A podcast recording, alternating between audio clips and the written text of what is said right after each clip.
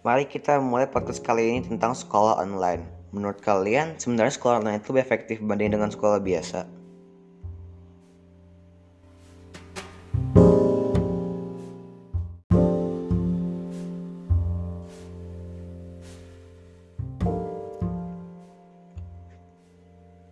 Nah, itu dari Gerald. Terima kasih. Sekarang Listia gimana?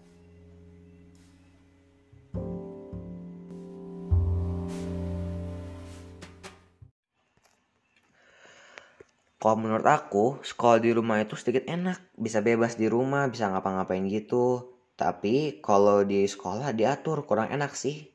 Cuma belajar material doang di sekolah. Tapi lebih efektif daripada di rumah. Dan bisa ketemu langsung dengan teman-temanku di sekolah.